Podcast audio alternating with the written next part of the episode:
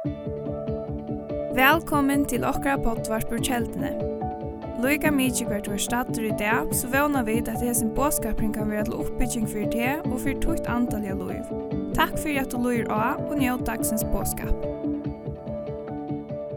Det er en uh, høyere å slippe at, uh, jeg vet ikke om jeg skal si at jeg setter punktum for jeg sa støvnum, men uh, vi har haft det utrolig godt, og gusher er avsluttet, som man sier, hendan kapitlen, vi færa vujare, sjåvande, Guds rujus arbeid her. Vi tar vi opp i fjallet men nå færa vi til verska. Amen. Halleluja. Det vi sjåvande vi nek takka her i dag, og jeg er yngst faktisk at man hei kunna gjør så at alle samkomne hadde stittla seg, så jeg klemma dekkon øyn og øyn. Så det har vært så helt, helt, helt fantastisk. Jeg ser her igjen her. Det har vært så vel. Og som Paulus sier, han løyer ikke. Det er sin kjønn pastor jeg lekva ja, är heldur ur inte finns en näka så för att hesar häsar här denar. Jag hade det er så fram ur skärant. Så istället för jag bjöd dig knallen fram så ger jag sort här. Okej? Okay? Tusen tack. Tusen, tusen, tusen tack för allt det.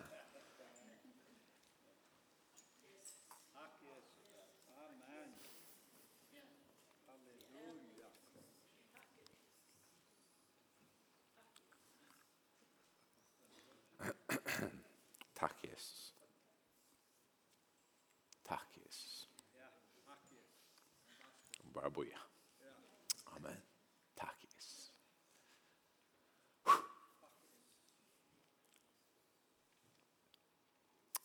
Jo, det var att tacka Jesus för Jesus dövn. Hva er det, altså? Det er så å takke min kone. Hun er ikke, hun er opp sjuk på morgon så hon tänker sig här, jag Så det kan bli det här. Skulle köpa henne klapp.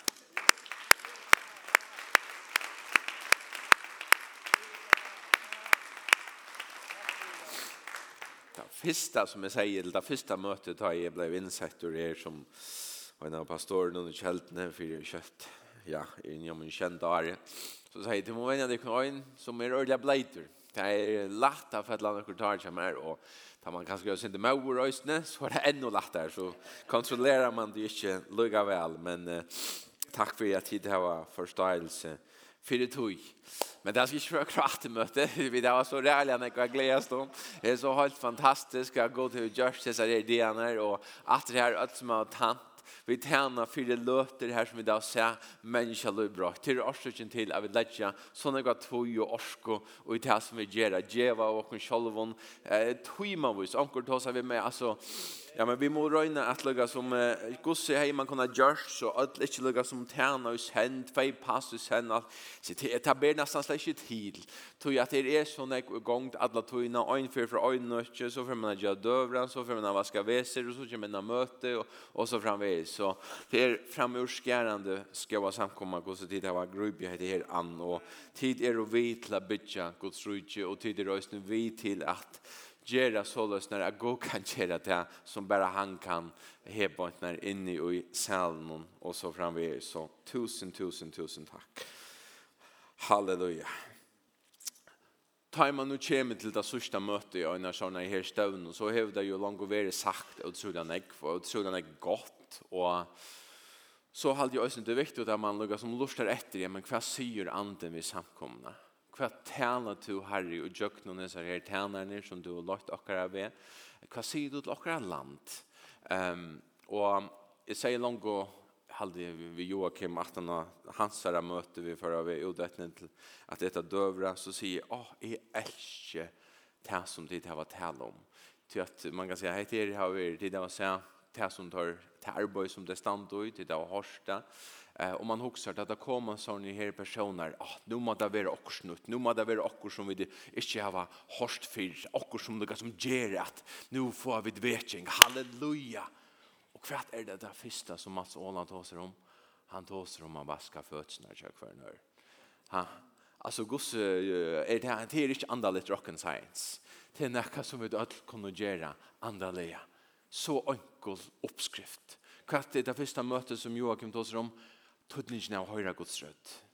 Altså, så utrolig grunnleggende, men det er det som brøyder. Og det er det som er øyne trygg ved at anden vil sija ved samkomna, anden vil sija ved okkon, tryggvande i førre land, de samkomna som vi omboa, lät okkon halda okkon til det enkla. Lært okkun halda okkun til det som stendig skriva og ge sig her bøtjen i her point. Lært okkun halda okkun til evangelien. Lært okkun hitje etter hvordan Jesus gjør det. Lært okkun hitje etter hvordan han og lærer seg han er levd. Vi prøver ikke for å oppfinne nekka andalet rocket science. Å, så kommer Guds ande. Han kommer ui tog enkla. Og det som er så fantastisk, det er vi kjenner noen at atter ui sned. Og jeg følte høstkvalde, jeg følte at samkommet vekk salarøkt. Alltså simpelt henne bara sitta och höra den här bådskapen. Alltså, åh, och jag huxar klockan, när jag går just nu, gå blue bara vi. Det är så gott. Och det är Guds ande som är i ödlenheten här. Og til det som er trygg, jeg, trygg, jeg skiljer utrolig vel hvor samkommende kommer til alle er voksen til 6.000 folk, at de har en sånn pastor, med en sånn hjerte som pratikar videre og mennesker vismen. Bare prænt, han sier han, han taler han pratikar mest og i samkommende videre og til mennesker vismen. Amen. Vi er jo ødelt her. Alla tøyna. ikkje bare pastorer, ikkje bara de som er framme, men vi er og ødelt her. Halleluja. Og et annet som er Arne færre ordentlig gang vi bådskapen til er, så viktigt. Ta i Herren talar, ta vi få sånne, ta vi der oppe i fjällen och så sier Herren noen ting eh, som samkomma. Men også den personliga, talar Herren in i ditt hjärta. Det är så viktigt att du nu skriver han i men det er frukt, ångestene så det snart to, finne det atter, skriva til nyer som to oppleva at det som er tala til tøyen, det som har nu tala til tøyen, jeg ser her det her. Tøy tøy tøy nu atter først nyer i delen. Vi så, vi har et døm om i, i Bibelen, ta Elias var oppe i fjallen, og det kom eldur av Karmsfjallet. Wow, fantastiskt. Wow, sikkert opplevelse. Men att han så sier han gott, gå takk mot lov, jeg har ikke livet for. Og det er åndsam alt, alle er ferdig, her er nøy til størst og det har gått 400 profeter, du har et lov til en vera genga. Til det som hender i morgen, da du ber at du uten tjenesteg, så vil fortjent komme inn og si, hva er det, det er, det var bare sørst, personligt, kjensligt, opplevelse, at det, at det, at det, at var bare to. Skriva til nyer som du har oppleva, så løsner at ta i det som, har regnet der og gjemmer, må du sagt, han er det nå. Han er nok så ofte faktisk. Så hever du det nye skriva her på. Amen. Halleluja. Så lett å kunne gjøre det. Takk, Jesus. Og kvart nå, stevna vi færa lukka som fyrir landing nu, vi lukka som sikla skip i havn, og så færa vi ut at nu Janstein. Hvert skulle vi gjøre vi alt det som vi da finner. Og Ja, og til nekk rørst röst i munnen hjärta hesa dianer här. Okej, ja, nu tog han hesa talna så var det inte handan. Okej, han okej, så var det inte hatta. Men er lendur lukka som oj oj någon år fyra händan här boskapen och det och till dirve. Dirve affär utdatne och Geranstein vi tog som vi hava finch vi påska bådskap någon som inte man kan säga som är en påska bådskap på kvanta nöjna så där men att tåra affära udatne och i stein vi honom Ehm ta i hugsi om Jesus og lærersvennerne. Ta i hugsi om hur han omgengst her. Så var det så, eh, man kan si, han var tro ju är samma vittamon, og man kan säga fyra guide tar upp på det som tar skuld og gera. Og nekka som han pumpa i en nøyder, man husker ikke, men det var dirvi. Han sier i Matteus 20 og vers 8, her sier han såles når vittar, Nei, hatt det var slett det tynd og Mattias 28 opp. Um, her stender såløsner. Han kattler nu hinner tolv lærersvunner syner tilsvunn, og gav on vald myndløyga i vår øvrøyn og andon, at reka tar ut og at grua, kvørja, sjuko og kvønn vøygløyga. Jeg vet ikke hvis du umynda der hvordan det var her på en tag Jesus. Han, vi leser jo bare lukka som det er sjåta, det er iverordna ja. Men hatt det var en løta, han har hatt sikkert skite sammen vitt om hun tar sitt rundan, og her var jo nekver. Og en ære for når så sender han ut halv fjers, men det gjør han ikke her. Han valgte lukka som tolv tid, du nå kommer tid vi mer, og har her, hette her er det som tid skulle gjøre. Hette her, tid skulle rekke ut, etlar andre, tid skulle groa hver sjuko og hver vojgløyka ok, takk for Jesus, ok, det er for det gjøre. Um, hvis du tog først inn i en handel, um, og tog sørst akkurat starffolk, og du sier, du kan du ikke for å sette det, lukket som, kan du ikke for å, jeg sa vesen over sin skiden, kan du ikke for å ordne det. Først du, før vi kommande, og vaska veser til at du ikke min handel nå, blir det gjøre det. Eller du først inn i en fyrtøk og sier, du, du stekker lukket vesen her, jeg hadde du skal heller gjøre at det her er en fyrt. Du har ikke vise fyrtøkene eller nekka som helst å gjøre. Heldig du vedkommende akta det. Han spør, hvor er du å se meg rett her? Men så kjøtt som stjøren, et langt annar kommer inn og sier okker. Du, for, ok, ordan, jeg skal være, bøyna vi.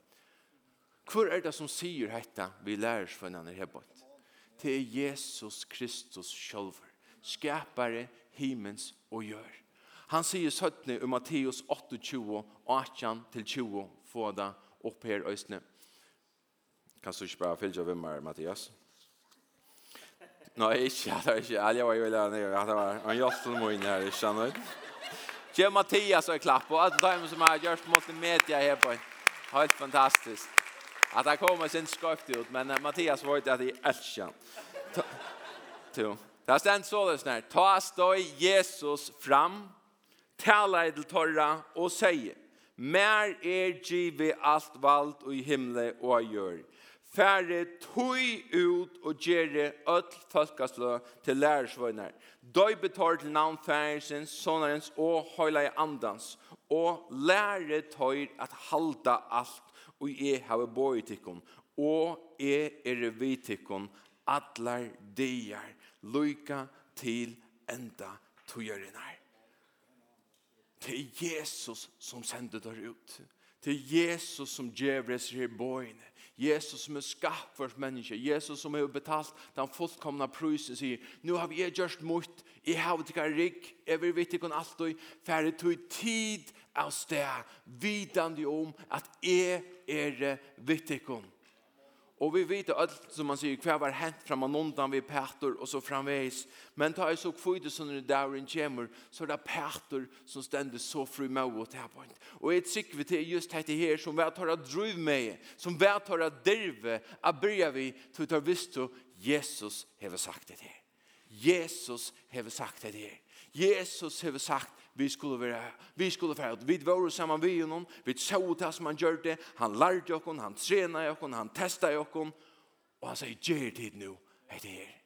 Jeg skall vara vittikom Jeg skall vara tikkere backor och vart du vet ikke bare er, men det er røysene, jeg gjør en hjälp på av han har jo dragit i anden han ska vara vittikom Og det er det som hender av kvøydesonen, ta i hele andre ved uthelter, så er det en nødt dimensjon ut i kristna løvnen. Det er få en ekka, det er få en eld som ikke har vært for, en elder, en, en, en, en, en personer ut av løve som er hjelpere, som bare nekker fire profeter, og hvor konger heier i gamla testamentet, men nå ble det tilgångelig fire ødel. Halleluja. Amen. Så tar vi lesa apostasønna, så suttjar vi etter her dirve. Men du huksar bara kanskje, ja, men Bigve, det her var apostasønna, vi liva 2000 år 17, come on. Nei, nei, nei, nei, nei, nei, nei, nei. Hette her er akkurat lykka, aktuelt for okkene i det. Hette er akkurat lykka, Jesus er akkurat lykka nek bakker til okkene i det. Og det er det som er, vi er i elden når man hokser, men man er i møten, og jeg kunne være ut, og vann igjen da, jeg serverer for Jesus. Så man er bare ute, så kjøtt og vært utjøkken med hese og hårene, og møtte jeg omkring her utenfor. Nå er jeg kanskje ikke fru med å dyrve og alt det her. lukka som det har vært her i her inne. Det er det letteste å være her inne. Men så kjøtt man fru. Men Jesus, han er vi åkner ut i høsten. Ja. Helliganden, han er vi åkner ut i høsten tog kunne vi hava dirve. Og etter dirve det kan være øyla klisjéakt, og det er cool, bam, bam, bam. Jeg tog oss ikke med krampakt og dirve. Å, nå må jeg fære, uff, skaffa meg dirve. Nei, det er ikke det som man tog seg om. Og da vi da finner vidt og skil, vi da finner alle andan, alløy og kun til å teka skilar gauar avgjer.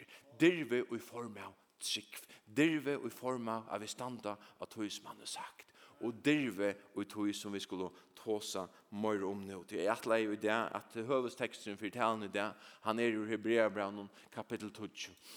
Og Hebreabraun är ett, jeg hadde et øyelig aha-vers bra.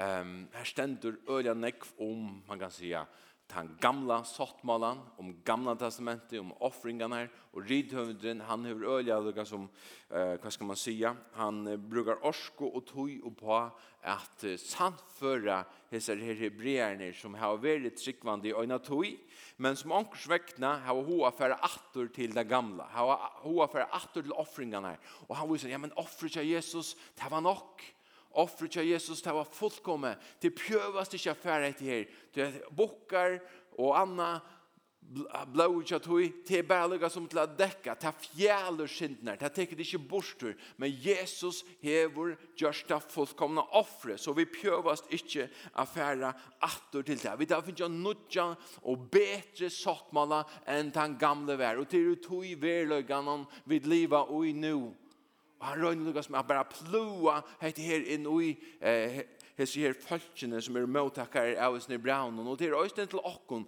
til vi kunne òsne komme og støver her som vi tok seg, man er vi frelstrøyne tog i lukka som eldren kølner, til dalar nei, jeg var ikke ordentlig, om nei, det er noe som nek fyr med, og så vi er, så vi er. Men så sier han, nei, det er ikke så.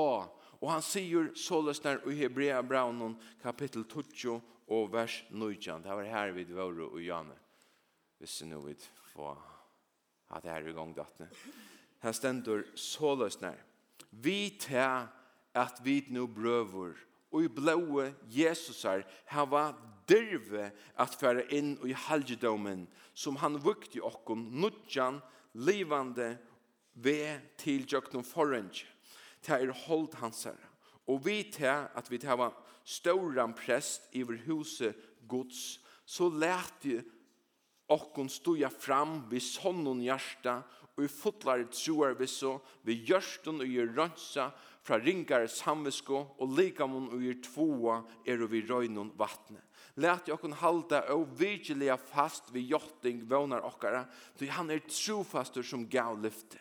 Lät jag kunna geva gätor kvar etter öron så vi får kvar annan a brenna og i kærleika og gåvon verskon og ikkje djevo pæt a koma saman kvar vi annan såle som syr er tja sommon, men a minna kvar annan og ta så mykje møyre som det suttja at det har vært narskast. Så det som han gjør her, det er han akkurat som ja, han har forklaret frem og undan, Jesus gjør det der fullkomne offre, til pjøvast ikke henge og jeg snærmøyre, kom nu vujere, og så byrjar han fra vers 9. Vi til at vi nå brøver, og i blåe Jesus er heva dirve. Vi gjør når at dirve tja okkon kommer ikke av okkara kjenslon, det kommer ikke av en gauar i oppleving, det kommer ikke av noe som sier nå skal jeg arbeide meg opp.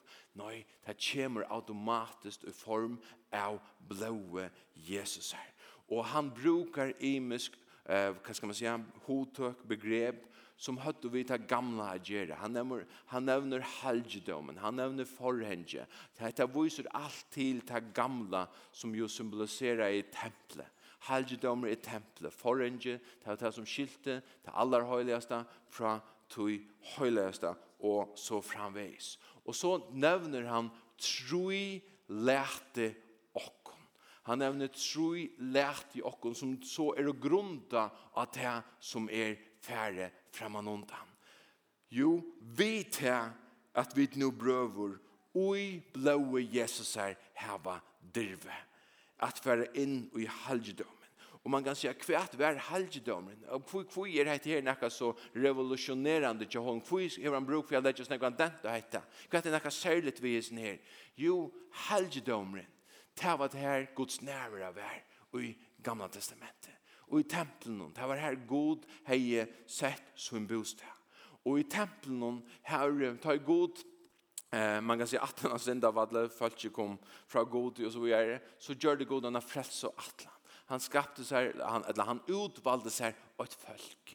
Der tølv synene tja Jakob blivet der tølv attener tja Israel. Og øyne av tøymen atten, hun er et levi levittan Her var det Aron og syner og lukka som alt torra som man sier var av alt levi.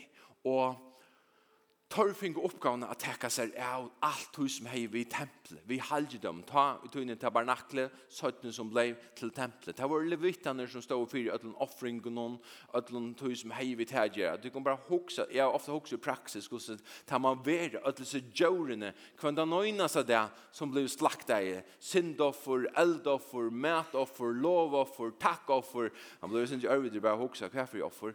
Rävlan och imisk offer som alle levitaner hade høvdu arbeid av. Og det er alt tilknyttet til tempelet. Fyre lykkes som at skapa rammeverket, så det er følge kunne komme inn i helgdommen. Norska ser gode. Vi tar at vi nå brøver og blå gjesser var dirve at fer inn i helgdommen. Som han vukte i og nudjan og livande ved til, Gjøk no forrønge, til er holdt han seg. Han tåser ikke om en fysisk helgdom, Så nu er nærværen ikke bonden till att av och stär långt. Utan nærværen, hon er her. Hon er her. Vi da finner ju fria access tog han vukt i okkon nudjan livande vi. Det er ikke bare for prestene langer. Det er ikke bare for å leve i atterna. Nei, det er for det öll som hodningar. Og hvordan gjør de han det? Hvordan lukka som hva gjør det at dette er forrønge, at denne skillnauren kunne komme, så nærmere han kunne komme ut. Hold han seg. Og det er det som vi tar akkurat feire, hater hilde av påsken, at han gav seg sjølvan. Vi tar at vi nå har hette, lett i åkken. Og så er det åt anna. Vi tar at vi tar var ståran prest i vår huset gods.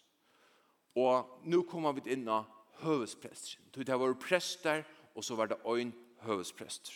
Og det var bare høvespresteren som kunne fære inn og ut av aller høyligste.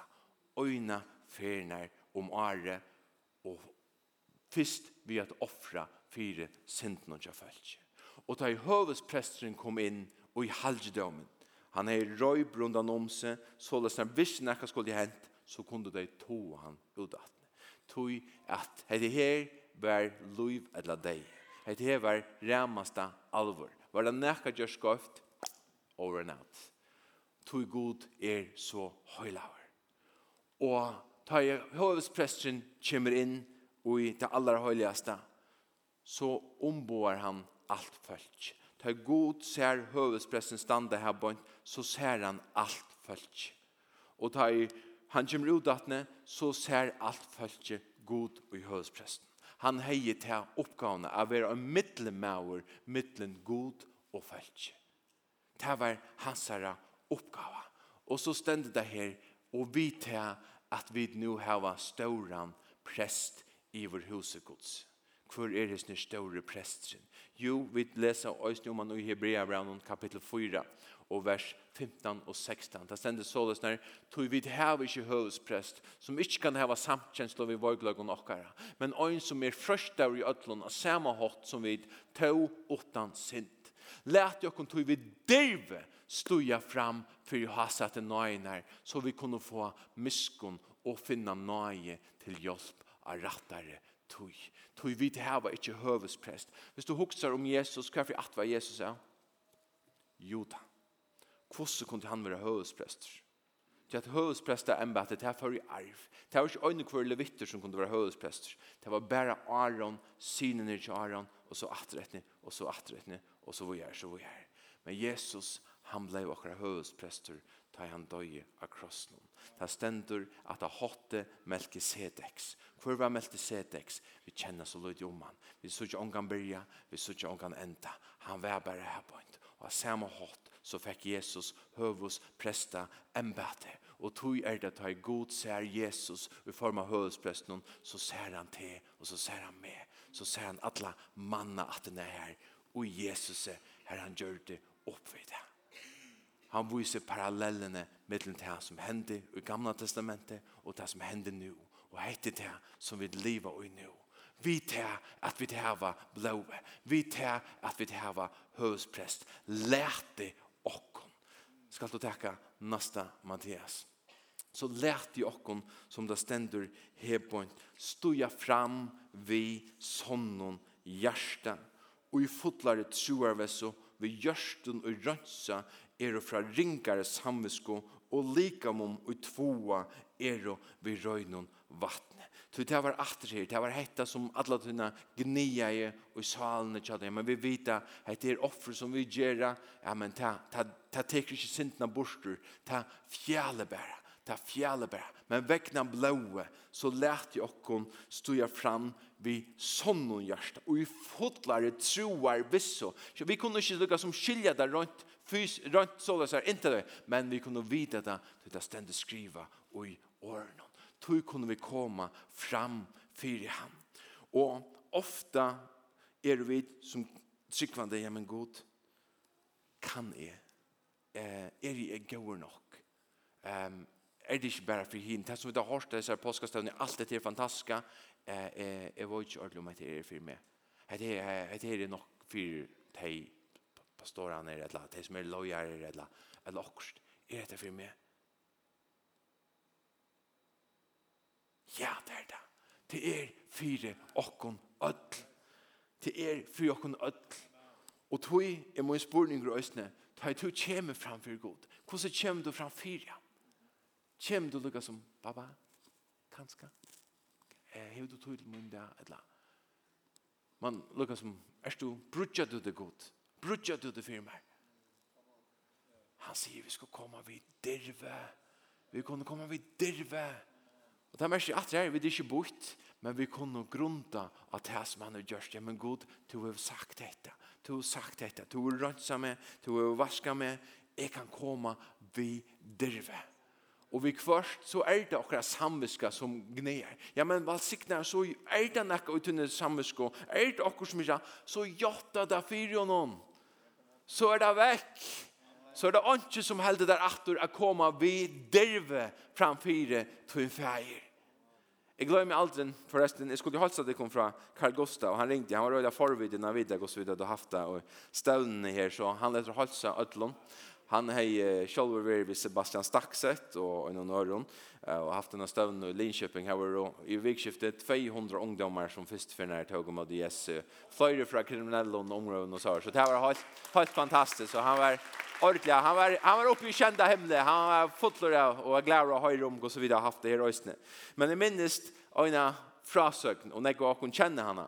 til er ta han drekka bibelskola i USA, han og en vimmer, og familjen er ikke døymen, så ble vi torrbeier bjøveier til et øyla rukt per. Og jo sa han vi kvar så er det rukt per. Det var kjempehus, og det hadde två stora kadlackar, ikke kaklackar, men kadlackar, eh, og i, i garasjene, og så sier han som bara han kan se att det gingo in och så olika som alla målningarna är ödlösa tingene Og hun var, wow, god elskar virkelig han er som en menneske. Og lukka som, wow, wow. Og lukka som, og alt anna lukka som de hadde haft her, ete saman, og en gaua måltøy, og så framvis, så sier det sin mæren. Karl Gustav, og så hins var vinn. Og ötlund tog som tid det var sæ inn i hins husen, så kunne de godt velja det kom kvarsutt. Tenk. Oh, ok. Ok. Det var två Cadillacs i garagen. Skulle vi takka kvar så in ta så der om alla. Hva skulle vi göra? Har noe som också har. Bibelska nämningar där och större törver så kvart kvart ska vi välja. Och han säger täppen det var så tjocka att man smockar ut dem och det var så rävliga. Allt var bara funt. Skulle vi välja till. Well, ta i til for høym, så vi hadde en taxa høym. Og Carl Gustav, han satt vi en manuell noen håndpuskere og puskere. Og Monika sier, kvui, eller nei, han, han er nok lov av Monika, han finner ikke sørste året her. Han sier, kvui valde du en manuell håndpuskere av ötlund høy som vi så inni her.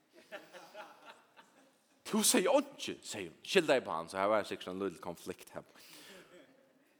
Og, men så sa det, det var mye annet bedre enn en teskøy, det var det som hintog vissar høy.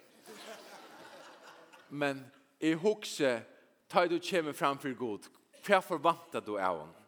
Hva forvantar du at han kan gjøre? Hva for dirve kommer du framfor hans vi Ta i hans sier og i sunn og og let jokken, og blå i Jeser, derve komme fram fyre hansara, inn i halvdom, inn i hansara nerver. Hette näka som vi hava en gang til alla, alla somle tøyna. Takk for at amen, Paul. Halleluja. Takk, Jesus. Halleluja. Ta nasta lært i okkom til at halda og vigiliga fast vi jotting vånar okkara. Ty han er trofastur som gav lyfte. Vi kunne vi dirve halda fast. Jotta ut hans herra år. Jotta ut hans herra lyfter. Jotta ut han er herre. Og han sier her, ikke bare fast, men og vigilia fast. Vi jotting vånar okkara.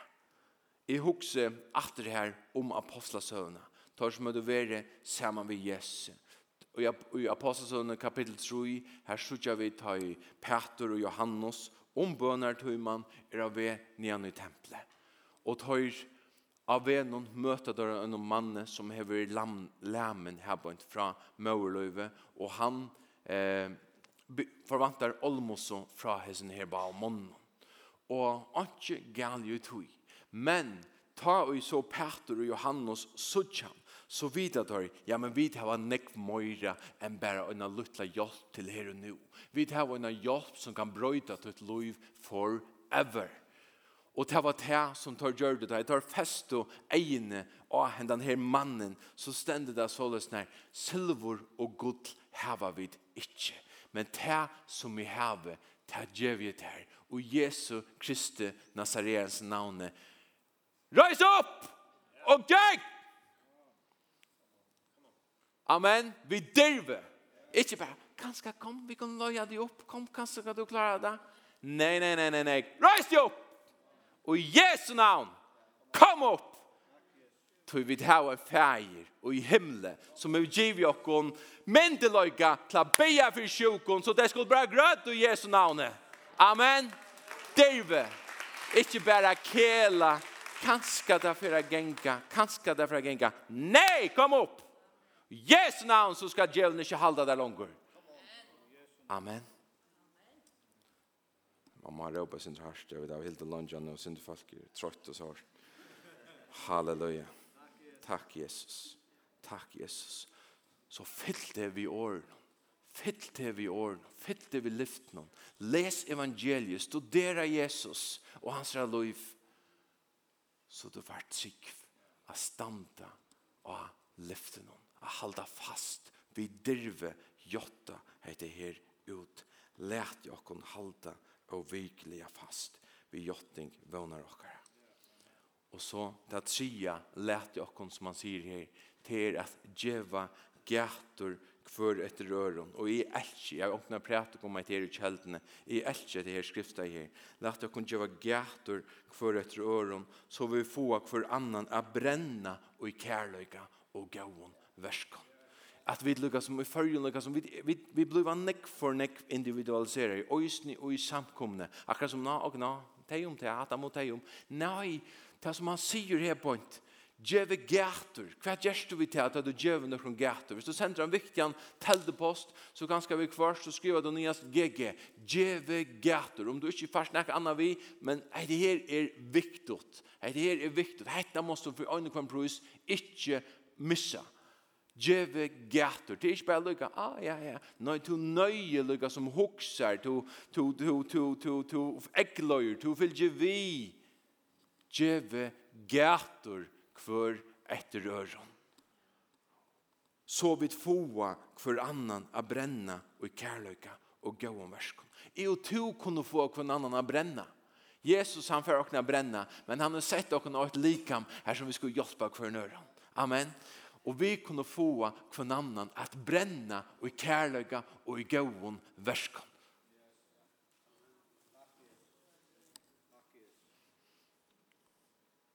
Og så stendte her, og ikkje djeva opp hætt a koma saman kvar vi annan. Så det som sier er til sommen, om bare er det her som døven, jeg falt, nei, jeg sitter bare hjemme. Jeg vil ha alle som det at her er vi samkommer, og nei, nei, nei, jeg og Jesus til funnet. Nei, det er ikke, Det er ikke det som Bibelen legger opp til. Hun sier, nei, halv djeve, ikke djeve på hatt å komme sammen hver gang, som så, som sier ikke som hun, men amenna hver annan, og ta så mye møyre som det sier at det er nærskast. Jeg husker nå at han har hessa støvnene, så har vi finnet sånn er godt. Og nekva åkken er å tendra. Amen.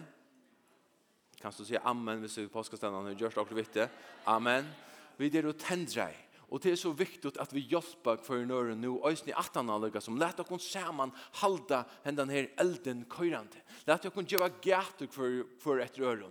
Ungdomar, hjelper for nøren. Det er sånn en ung som nå har finnet å møte. Let dere hjelpe at det ikke bare er som og så nyrettene. Let dere hjelpe hver nøren å halda elden køyrande her er sånn ek ferbant som har vært i kvölde som skulle nubla kontakta i atan har hese her støvnene, så løsner jeg at de lukka som ikke bare var et øngingsopplevelse, men at de kommer inn og bla planta i og i samkommunen. Og vært ikke tid, og gå tid, jeg vet at her ungdommer kommer ur nekvån samkommunen, så her har vi vært ikke eia her, om det er omkring tykkere som, er, som, har, som ordentlig har finnet opp møte, og lukka som fylgje man opp til nu ta verlan i arbeidet byrjar, at han har påskastevna, og vi kommer suttje her i samkomne, hvers to, hvers to, jeg er ikke det for. amen, til du mennesker er blivit frelst. Mennesker legges at træt. Det er okkur oppgave at takka og møte dem. Det er ganske at du riskerer å missa du fasta plass. Så sier som en, so be it, altså. Ha? So be it, ha? Til det som er nøyot for at vi skulle veksa. Amen så lät jag kon geva gator för ett rör. Klavier. Spela kan du komma hjälpa oss. Tack. Halleluja. Halleluja. Tack Jesus. Och åter här vi tåsa om derve. Att det var derve att göra det. Att göra det i kärlöjka. Vi det är ju sluga som, ah, kom on, tack tillsammans, kom nu. Nei, det er kærløyga vi gjør det. Det er noen andre av kærløyga at vi vil suttje for en annan og gjøre godgivende og uh, potensiale gavon, førløygon som fer å kunne brenne og som fer gods rujtjes arbeid a genga fram etne. Jeg husker også nå om, altså, det er sånne ting Og til vi tåsa sånn om samkomna, om samkomna vaks som man traver i jøkken og sier påskastøvnene um, at vi øsne tåra av være djørv og samkomne. Um, at vi spyr god, god, tåra spyr okken han den her spurningen god, er det nekka møyra som jeg skal gjøre. Kanskje ikke akkurat nå, man skal spørre, nå er jeg helt høy jeg med sove. Men ta du heve sove, ta du heve fullt god, er det nekka møyra som jeg skal gjøre. Er det nekka møyre? Er det nekka som jeg skal strekke fram? Men god, jeg var ikke mye klare, jeg var ikke mye klare klare det. Jeg skal være vitt der. Jeg skal hjelpe deg. Og løgjerne vil jeg hjelpe deg. Vid vil jeg hjelpe deg. Tog Guds rujtjes arbeid i bruk for jeg brøkast. Og en av akkurat største bønnen vi har hesten her i påskastevne, vi sjående vil jeg vidt alt og sikkert mennesker kommer til trygg og frelst til det beste og det største som kan hende. Men det er også en mobilisering av at til at bytja Guds rujtjes så løsne er vi genga samme ved, vi takkar tøtjen i sen, vi suttja det samme, gjør det samme, ui okkar imiske samkommun her som vi kommer fra. Jeg lukkar som er snir eldre, er snir enda bevurst høyden av, ja, men hva er okkar loiv, hva snur det seg om? Hva, hva, hva, og jeg helt anna, at jeg skal, jeg skal skia hva, endur takka alt hva tar skia, men jeg ser stålande kja Mats Åla etter her kvölde, til jeg helt av var mitt ungdomsmøte, ja, vi tar hava åkt loiv, vi tar hava åkt loiv, hva gjerst du vitt det? Så i øyn det, så først og forboi hans er linjene som møyder avmannløyene. Hva er det du gjerst vitt ut liv? Lært dere nu med vi ha møllagan han. Sier så rævlig godt sitat. Ta du kjem til himmels, så kommer du ikke kunne bjøve grannan noen til møte. Så kommer du ikke kunne bjøve til noen vin noen til møte. Da er det for sant. Til nu der. Dirve. God gjør gjemmer dirve. Og jeg trykker vi hele Anden vil hjelpe oss vi er her. Han er her, og han vil hjelpe til her, han vil hjelpe mer. At vi er morgen djørv. Det er det som er trykker at dere land har bruk for det. Djørv om kristen. Jeg minnes da John Ramsey var her for fyra år siden. Så tok han et her døme vi laksen. Det gjør alle utlendinger ångsvekkene da de kommer til førre. Jeg var ikke. Har takket laksen som døme. Men han säger, säger det så gott. Han säger, hvis du, vi har ju alltid sya till det här var hömsens bästa lax. Men hvis du omgang du bjöa mera äta av oss när hömsens bästa lax någon, så ivis du ju om det här var hömsens bästa lax. För skammas det vi har bjöan till någon annan. Om vi säger vi det här var världens bästa båskap, hvor är vi så atterhalden att døyla vi ånder? Det er nekka som vi alt kommer blå som vi kunne ran, rannsaka jo i. Og her kommer dirve inn. Halleluja. Lært jo kun lesa hette her øyna for at se. Takk Jesus. Takk Jesus. Takk Jesus. Halleluja. Vi tar at vi nu brøver og i blåa Jesus her hava dirve at fer inn i halgdom som han vukti okkon nudjan og livande ve til tjøkno forhenge til hold hans. Og vi til at vi til hava stauran prest iver huset gods, så let i okkon stuja fram vi sonnen hjärsta. Og i fotlar troar vi så, vi gjørst og rønsa i er fra ringar samvisko, og likam om utvoa er vi røyn og vattne. Lät jag kon halda og vigilia fast, vi jotting vånar okkar Ty han er trofastur som gav lyfte. Lät jag kun geva gator kvar efter öron så vi få kvar annan a bränna och kärleka och gå om Og Och inte geva pärt att komma samman kvar vi annan. Såle som syr är inte sommon men amena kvar annan.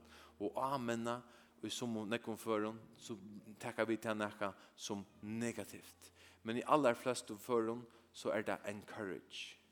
Oppmuntra kvennene.